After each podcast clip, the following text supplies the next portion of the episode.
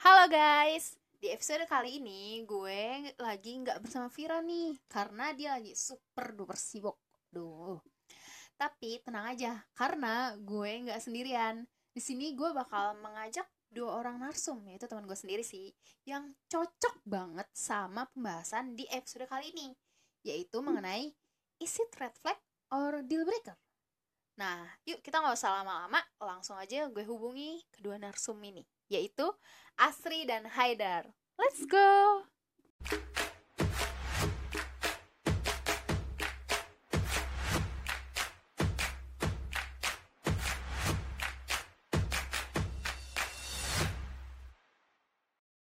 Halo guys. Halo halo halo.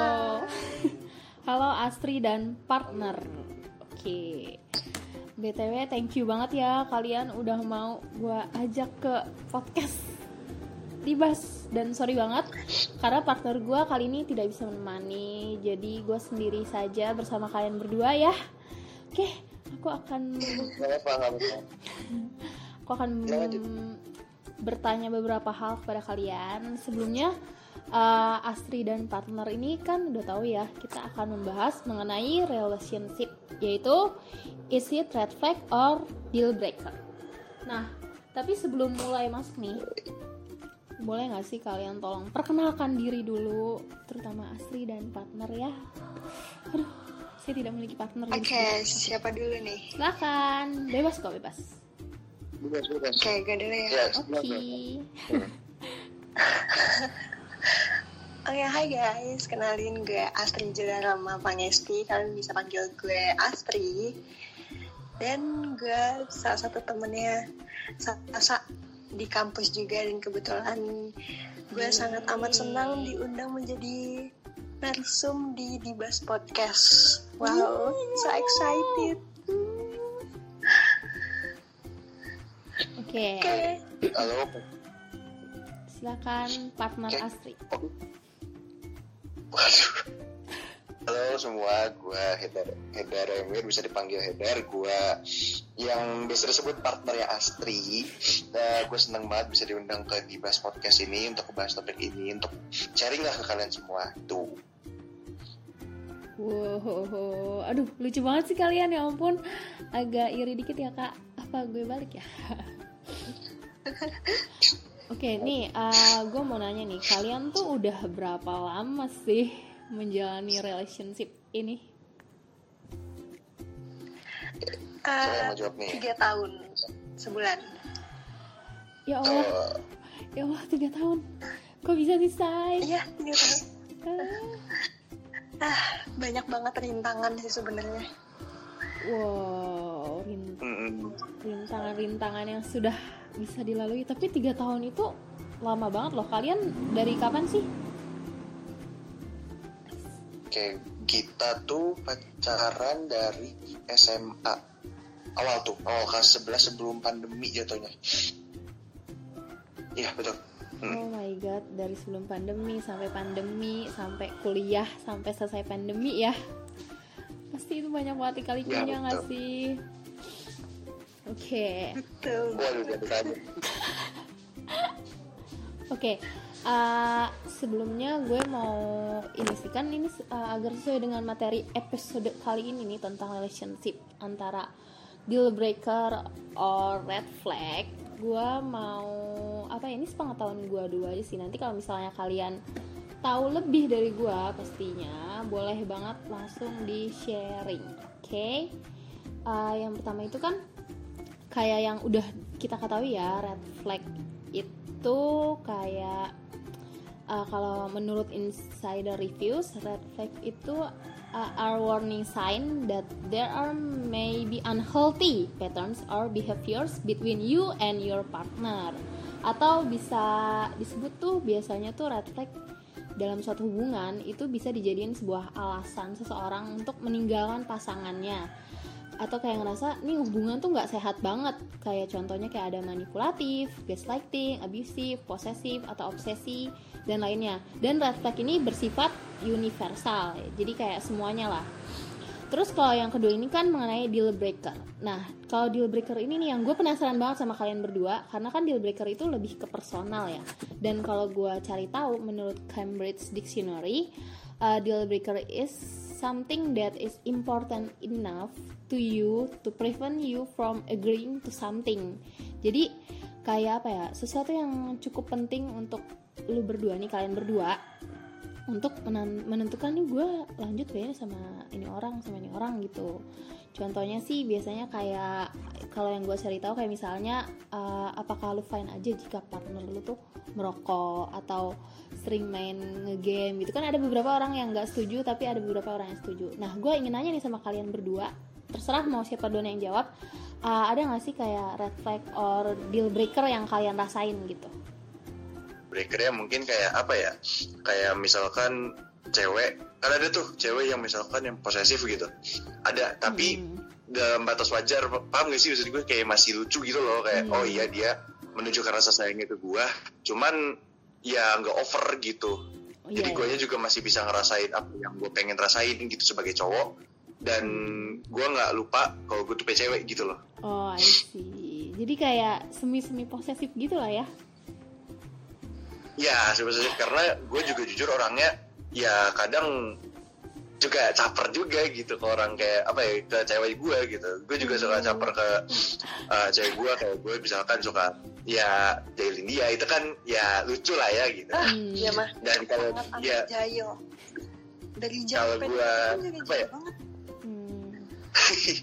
dan gue waktu apa ya waktu PDKT ya tuh. Hmm. jujur gue emang dari watak gue ya suka jalin orang. Jadi emang gue nih suka jalin siapa aja masuk cewek gue sendiri gitu.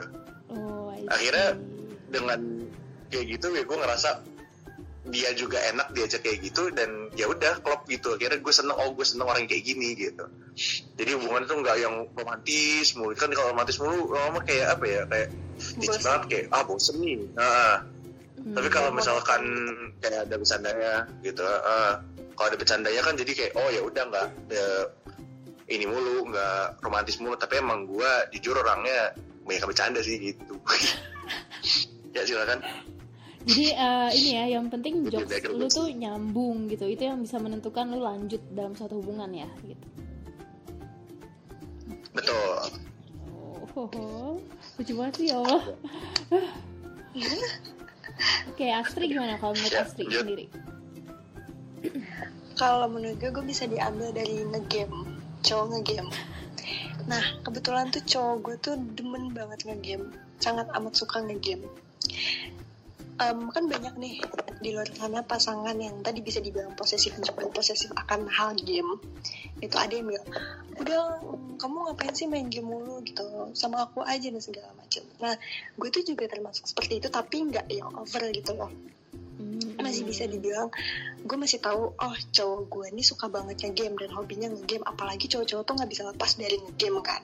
Hmm. Gitu loh. Betul sekali.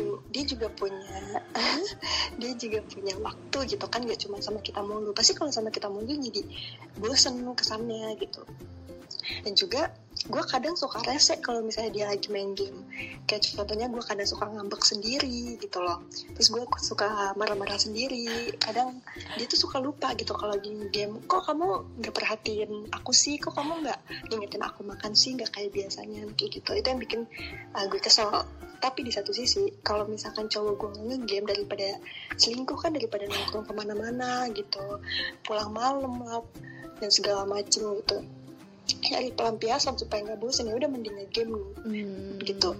Terus juga cowok gue tuh tahu gitu oh dia tuh ngenalin lingkungannya dia main sama siapa. Kalau misalnya di DJ pun dia uh, ngundang gue ke server kayak biar gue tuh tahu oh dia nih lagi main sama si ini dan di server ini gitu. Gitu. Hmm. pasti pasti gue tuh uh, ngerasa ini juga kayak iko gue kayak diduain sama game banget ya. Kadang kan suka cemburu sama gamenya dia. Kayak ih dia ini ngobrol ya? Kayak kok ngelihatnya laptop mulu? Gue kan pengennya kayak lebih banyak diajak ngobrol terus lebih pengennya tuh dia tuh natap gue gitu loh kalau misalkan ngobrol kan apalagi di telepon. Dia tuh selalu natap laptopnya itu yang gue kesel. Tapi kan di satu sisi oh ya udahlah dia juga pernah bilang kalau misalkan gamenya tuh nggak bisa di pause Oh. jadi gue berusaha untuk mengendalikan diri gue kalau ya udah gitu biarkan cowok gue untuk bebas main game bersama teman-temannya ada waktu sama teman-temannya nanti kalau misalkan dia capek juga baliknya juga ke gue gitu Oh, oke. oh my god, gamers banget ya lu Haidar. aduh Waduh. Jadi sudah Malu. terbongkar ya, itu sangat gamers ya guys ya. Oke, berarti eh, intinya tuh lu nggak keberatan ya, kayak misalnya kalau cowok lu tuh sangat amat menyukai game gitu. Kayak as long dia masih tahu pulangnya ke lu, astagfirullah pulang nggak tuh?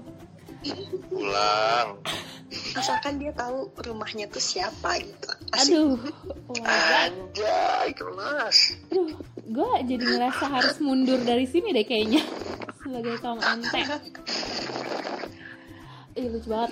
Oke, eh, kan kalau deal breaker kalian berdua berarti kalau Haidar itu kayak yang bisa nentuin bisa lanjutnya itu nyambung di jokesnya gitu. Sedangkan kalau misalnya Astri kayak eh, mungkin ada beberapa orang yang bermasalah nih kalau misalnya cowok atau partnernya tuh terlalu sibuk ngegame atau apa gitu. Tapi ternyata that's fine aja ya as kalau menurut lo gitu.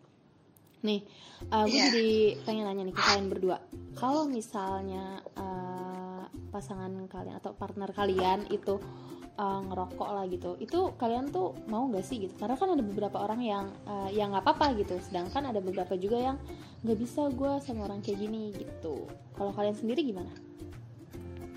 oke gue dulu ya yuk siapa yang jawab duluan oke boleh gue dulu oke kalau untuk gue memang gue tuh nggak suka cowok yang ngerokok karena gue nggak suka asap rokok Hmm. gitu terus kalau misalkan gue nih semisal ya dapet cowok yang ngerokok eh, nggak apa-apa sih menurut gue nggak apa-apa. Tapi asalkan kalau misalkan lagi jalan sama gue dia jangan ngerokok di depan gue gitu. Terus juga kadang kan eh, yang paling gue nggak suka dari cowok ngerokok itu kalau kita ngedapetin cowok yang ngerokok itu pasti eh, ngerubahnya tuh buat dia untuk berhenti ngerokok tuh susah gitu. Betul. Nah itu sih yang problemnya tuh di situ.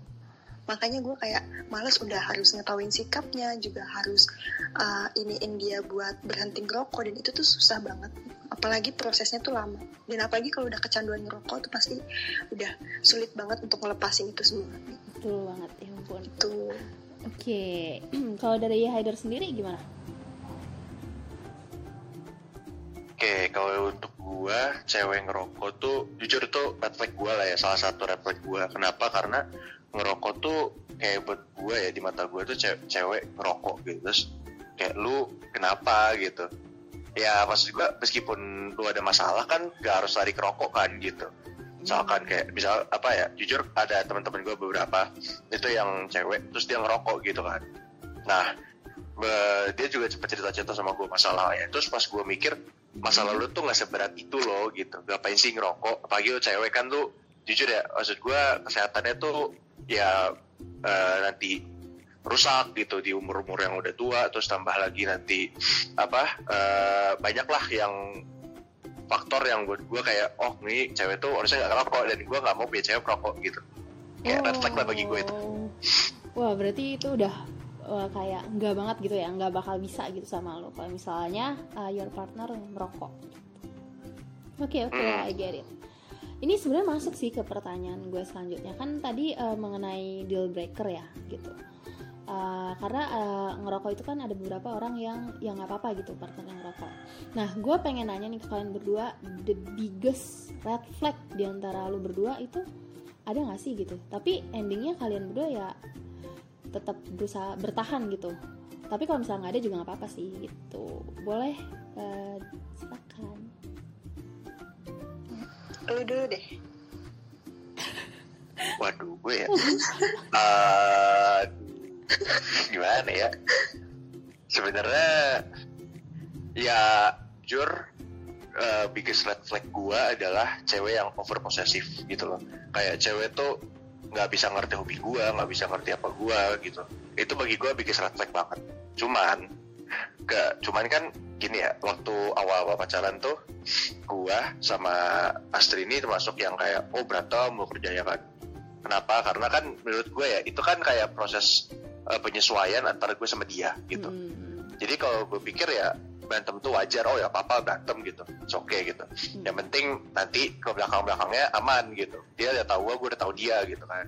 Oke. nah emang jujur waktu awal pandemi itu kan gue gabut ya kayak anjing ngapain gue gitu kan. Ya udah gue mikir kayak gue main game deh gue main game itu kerjanya kan. Terus yang asli ini kebetulan apa ya eh sorry banget nih gue ngomong kayak cowok yang sebelumnya tuh nggak ngerokok gitu. Eh nggak ngerokok nggak main game gitu kan. Mm. Ya main game yang mungkin kayak ML atau apa karena gue kan nggak main ML kayak gitu gue mainnya kan ya game yang kebetulan asli itu nggak bisa main jadi dia ngerasa kayak oh mau main game dulu sih begini-begini gitu itu bagi gue cuman pas gue apa ya eh, kasih penjelasan terus gue kasih dia waktu buat paham sendiri akhirnya dia paham ya udah gitu Hmm. gue pikir ya udah dia udah udah paham Yaudah, jadi gue bertahan gitu sih Oh my god. Oke oke oke.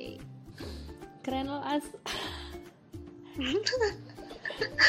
Alhamdulillah ya. Oke. Gue baru uh, pertama kali pacaran nih sampai setahun lebih. Sebelumnya tuh nggak nyampe segitu.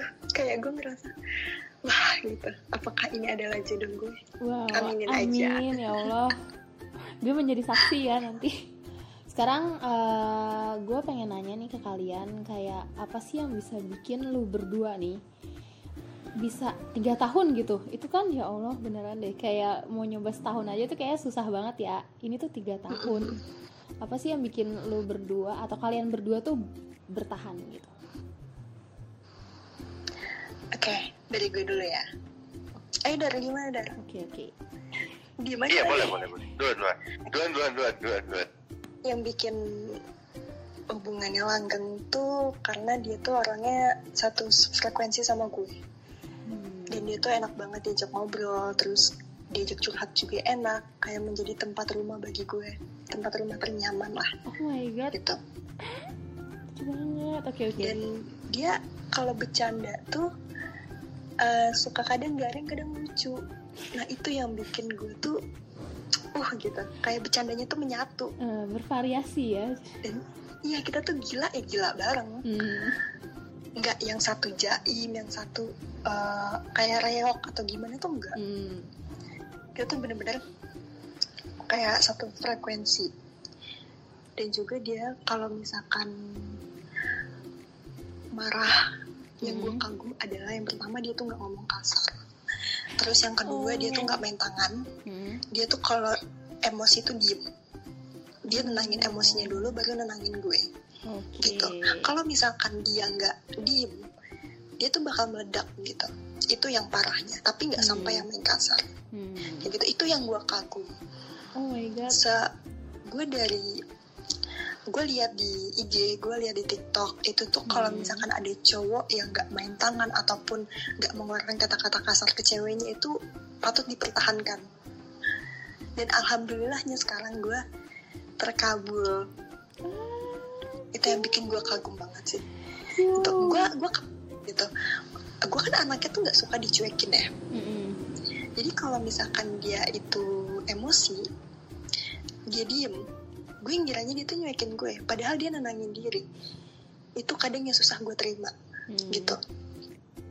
Dia tuh udah ngejelasin gue berkali-kali, kayak aku tuh emosi, eh, itu diem gitu. Daripada aku ngomong kasar sama kamu, aku bentak-bentak kamu, nanti kamu malah makin nangis, gitu. Hmm. Tapi di diri gue, tapi gue nggak suka didiemin, gue nggak suka dicuekin, gitu Hmm. itu yang bikin gue kesal itu yang bikin gue gedek gitu kadang gue suka ngomel-ngomel sendiri gitu nah di situ akhirnya gue mulai paham gitu mulai paham mulai Hmm. mengerti dan akhirnya yang tadi dia bilang tuh di awal uh, kita tuh belum sebulan itu tuh kita udah berantem wah berantem se hektik itulah Wow. gitu. Kalau orang kan ada sebagian ya, nggak semua ada sebagian yang oh awalnya romantis nih, gitu. Iya. Tapi lama kelamaan ambruk gitu, putus gitu. Tapi kalau kita tuh eh, awal-awalnya berantem, berantem, berantem, tapi makin lama makin lama eh, aneh aja gitu loh. Kok bukannya makin bosan, tapi malah makin sayang gitu. Oh my god. Yang bikin terus juga dia anaknya demen makan juga gitu demen kulineran gue juga anaknya suka demen kulineran walaupun gue anaknya suka jalan-jalan tapi dia enggak tapi ada di satu sisi yang bikin kita langgeng tuh di situ gitu Oke, jadi kayak eh, lama-lama lu bisa mengerti gitu lah ya, kayak jadi saling mengerti sifatnya dia iya gitu. walaupun Terus, prosesnya lama hmm. Tapi oh my god keren Gitu. banget tiga tahun ya. tapi ada sih di satu sisi tapi di satu sisi ada sih Hmm. yang masih belum gue ngerti gitu masih belum gue terima Hmm. tapi gue lagi berusaha untuk mencoba nerima gitu Oh, Oke, jadi intinya tuh eh, keinginan lu kuat juga ya as gue lihat-lihat kayak mencoba menerima bertahan gitu. Nah gue udah denger nih dari povnya Astri. Kalau dari povnya. Hidar sendiri tuh, karena ketika nanti Oke. gue Hmm. Semisal nih gue sama dia udahan. Gue berjanji sama diri gue gue nggak akan mau nyari cowok lagi. Gue udah capek. Gitu. Oh my god, oke, gila gue menjadi saksi keuangan ya. kalinya. Hati gue tergoyah nih sekarang. Ya Allah mau nangis. Tuh, oh my god, ini kayak gue mendengar ini ya confession Astri ke Haidar ya dan gue menjadi saksi gitu. Lucu banget sumpah, oh my god. Oke, kalau menurut Haidar sendiri gimana nih Dar? Lu udah mendapatkan banyak confession? Aduh gini ya, oke. Oke tadi pertanyaannya kan yang kenapa gue bisa bertahan ya? Nih, gue bisa Hmm. bertahan karena pertama gue ini kan jujur ya, keluarganya kan ya broken home gitu kan. Nah, Aduh. jujur gue nih orang yang apa ya orang yang kadang ngerasa gue tuh sebenarnya butuh sosok per- seorang perempuan yang mungkin bisa ngerti gue gitu loh nah, Hmm. pada awalnya gue tuh sempat mikir gitu kayak gue pikir gini gue punya pemikiran gini Eh gue apa gue nggak usah ini aja kali ya gue nggak usah nyari jodoh gue gue nggak usah ini gue hidup sendiri aja sampai gue meninggal gue mikir gitu kayak pernah Oh tuh banyak terus gue cerita terus gue cerita ke orang-orang kan kayak eh Hmm. gue punya pemikiran begini begini. terus kata orang ya kalau misalnya kayak gitu nanti yang lanjutin keturunan lu siapa? Begini kan gitu. Banyak ya yang apa ya pertimbangan gitu kan. Hmm. nah terus gue eh, apa ya eh, waktu itu kebetulan gue tuh emang lagi eh, jalan lagi deket-deketnya sama si Astri gitu kan. Hmm. nah gue cerita ke dia. Gue pengen gue pengen punya gue gue nggak pengen punya anak gue nggak pengen punya jodoh begini Oh begini. udah bodo amat lah sama Dia tuh punya- karena gue iya.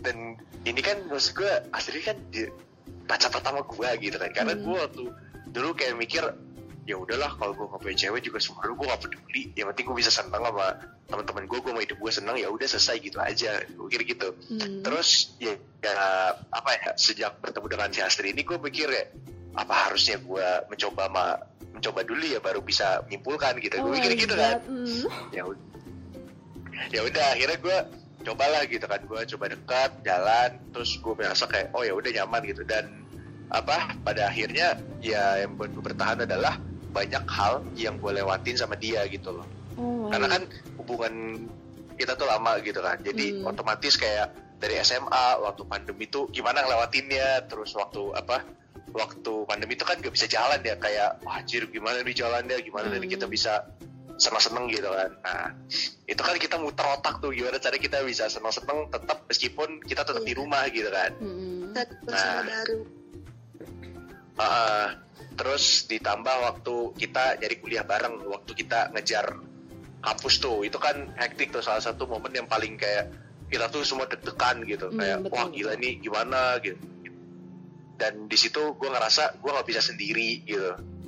Karena kalau gue sendiri jujur itu bakal berat banget bagi gue gitu kan Hmm. karena karena dari tekanan ada dari tekanan teman tekanan keluarga juga kan gitu kan untuk ngejar kampus itu banyak lah jadi gue butuh orang yang bisa ngerti cerita gue gitu Hmm. yang bisa diajak uh, ngobrol bareng gitu dan kebetulan masih orangnya begitu gitu Oh kan my god. kayak ya meskipun meskipun apa ya asli itu gak bisa diajak ngomong game gitu. Tapi bagi gue fine fine aja. Kenapa? Karena asli itu bisa diajak ngomong yang lain kayak ngomongin ya misalkan makan bisa terus ngajakin ngomong apa fashion bisa Hmm. Eh, itu yang paling gue bego ya kayak hal itu fashion itu paling bego lah terus terus um, apa lagi ya banyak lah pokoknya kayak ngomongin film ngomongin lagu gitu ya Hmm. gue bisa ngerti lah gitu omongan dia apa dan gue juga, dia juga bisa ngerti omongan gue apa gitu Hmm. dan bagi gue itu cukup kayak oh ya udah yang penting orang ngerti apa pemikiran gue apa yang gue omongin itu cukup bagi gue Hmm. yang penting tuh gue ngerasa kayak oh gue nih ada yang nampung cerita gue gitu Oke. gitu kan nah dan yang bisa buat asli itu apa ya gue bertahan juga gue tuh orangnya terlalu independen gitu. Hmm. Se- dari dulu ya. mandiri banget. Jadi kayak gue ngerasa kayak ah gue apa apa kayak gue bisa sendiri gue bisa sendiri. Gue gak mau dibantu orang gue bisa sendiri. Hmm. gue gak perlu orang lain gitu. Cuman asli kan orangnya manja banget ya. Kayak apa ya bukan manja banget sih manja maksud gue kayak apa Kelingi, ya eh, dikit-dikit tuh ya, ya kelingi gitu. Jadi Hmm. gue ngerasa kayak wah ini jadi apa ya orang yang bisa menyeimbangkan gue gitu kalau gue terlalu independen ketemu cewek, cewek independen juga gak akan klop gitu loh gak akan ketemu Hmm. gitu Aduh. itu sih Ah, ini apa gue balik aja kali ya langsung gue matiin biar lo berdua tahu. makanya gue tuh uh, sayang banget kalau misalnya setiap ada masalah gitu atau bosan itu tuh putus gitu Hmm. itu Nah, kayak itu. banyak banget yang udah kita lewatin yang pertama dari SMA kita nyari kuliah sampai mati-matian gitu sampai Hmm. kita tuh nyari Hmm. kampus terus kita datengin kampus terus habis itu sampai semua jalur kita coba terus sampai pokoknya sampai ujian juga sampai susah senangnya tuh deh bareng jadi sayang aja kalau misalkan mau di stopin hubungannya sampai sini. Karena udah banyak banget sekali. yang udah dilewati. Dan bener tuh kata cowok gue dia tuh anaknya sangat independen sangat mandiri. Kayak apa apa tuh maunya sendiri gitu loh. Kayak gue udah nawarin bantuan gitu kan. Hmm. lo mau nggak uh, gue bantuin? Gitu ada yang bisa gue bantu nggak? Dia kayak nggak aku mau nyoba sendiri dulu. Gitu. wah gitu daripada Oh. sedangkan gue yang ya beginilah jadi saling melengkapi aja Aduh ya Allah. Betul. apalagi soal fashion dia tuh sangat amat ah udah susah gitu kalau untuk fashion jadi gue tuh harus cerewet gitu nih ya kalau tipe kalau menurut gue tipe kayak cowok gue ini kalau nggak dicerewetin dia nggak akan jalan Oke. Nah, iya. Dan itu apa ya kayak eh, apa ya? Gua kan orangnya emang jujur anaknya ada rada rebel gitu ya. Maksud Hmm. gue, gue nggak ya udah kalau orang punya uruh gue ini gue nggak mau. Kalau Hmm. nggak sesuai sama kemauan gue, gue nggak mau nggak peduli gitu kan. Ya kebetulan Astrid itu bisa gitu loh. Gak tahu kenapa ya kayak gue kayak gue dia nggak semuanya bisa lah maksud gue nggak selalu dia bisa tapi dia ketika hal penting gitu eh, kamu gini ya ya ya ya ya, ya. gitu bisa gitu loh Hmm. Yang bisa ngelunakin gue lah gitu. Aduh, oh my god, ini terlalu uwu untuk gue dengar lebih lanjut. dan Sumpah, gemes banget.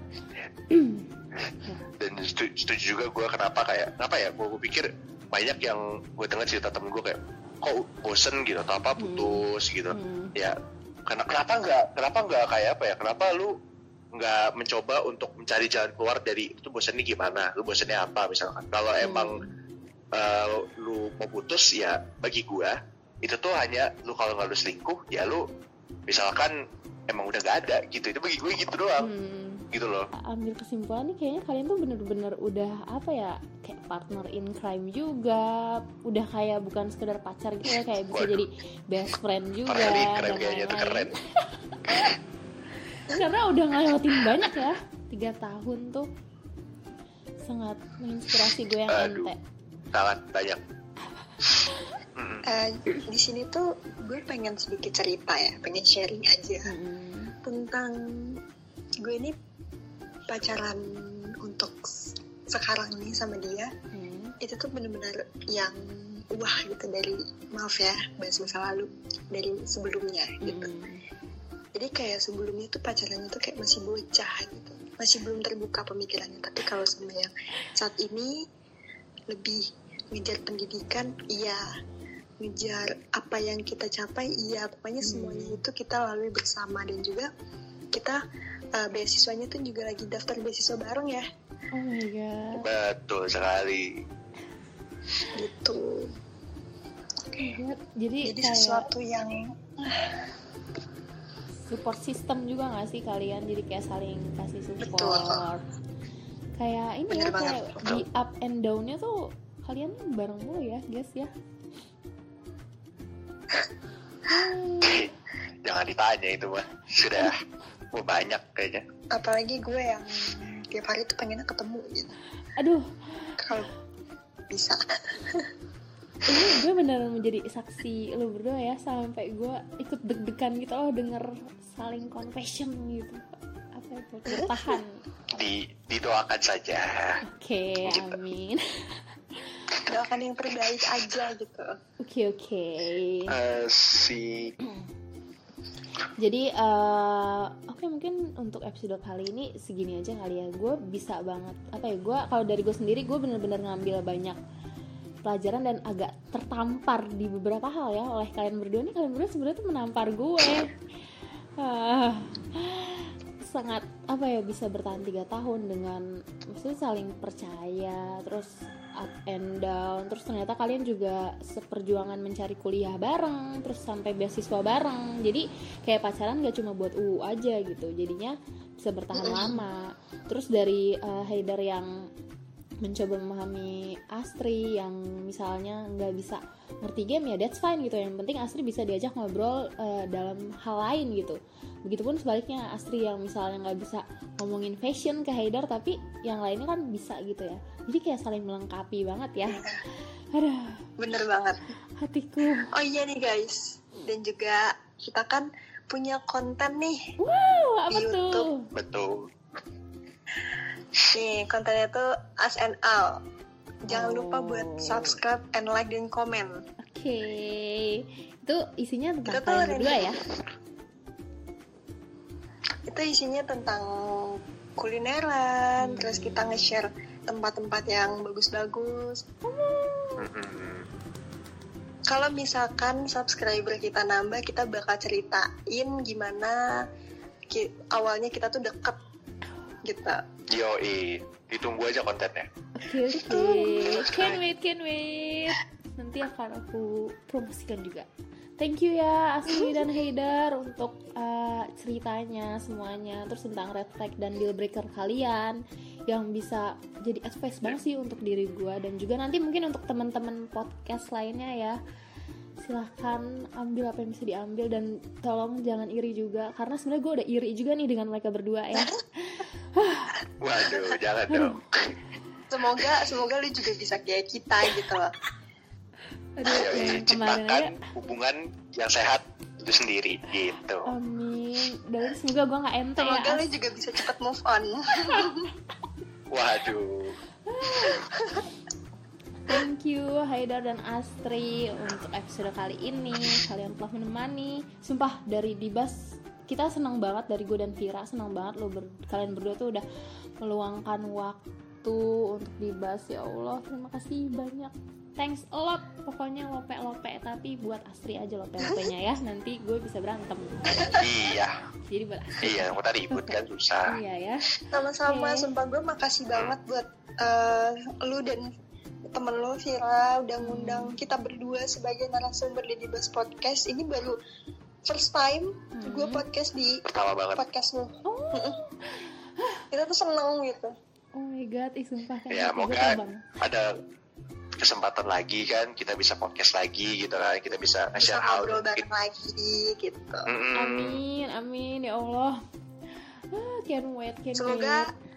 keuuan kita ini bisa men- bisa menginspirasi buat pasangan-pasangan di luar sana. Gimana kalau misalkan bosan itu ngadepinnya harus kayak gimana gitu. Nggak harus semuanya tuh putus gitu. Pasti ada solusinya. Mm, betul.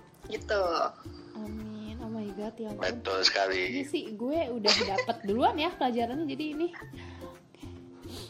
Oke, thank you. Ah, ini mau langsung gue tutup aja podcastnya ya. Dan gue tutup dulu teleponnya. Oke. Thank you Astri dan Haidar. Dadah. Oke, dadah. thank you thank you Thank you Yo. Astri. Guys, jadi segitu aja pembahasan podcast kali ini yaitu mengenai is it red flag or deal breaker. Nah, semoga pembahasan kali ini bisa bermanfaat untuk teman-teman semua. Dan juga jangan lupa untuk terus stay tune di Dibas Podcast. Dan nantikan terus episode-episode selanjutnya. Dan juga collab-collab dibahas dengan yang lainnya. Thank you, see you, bye bye.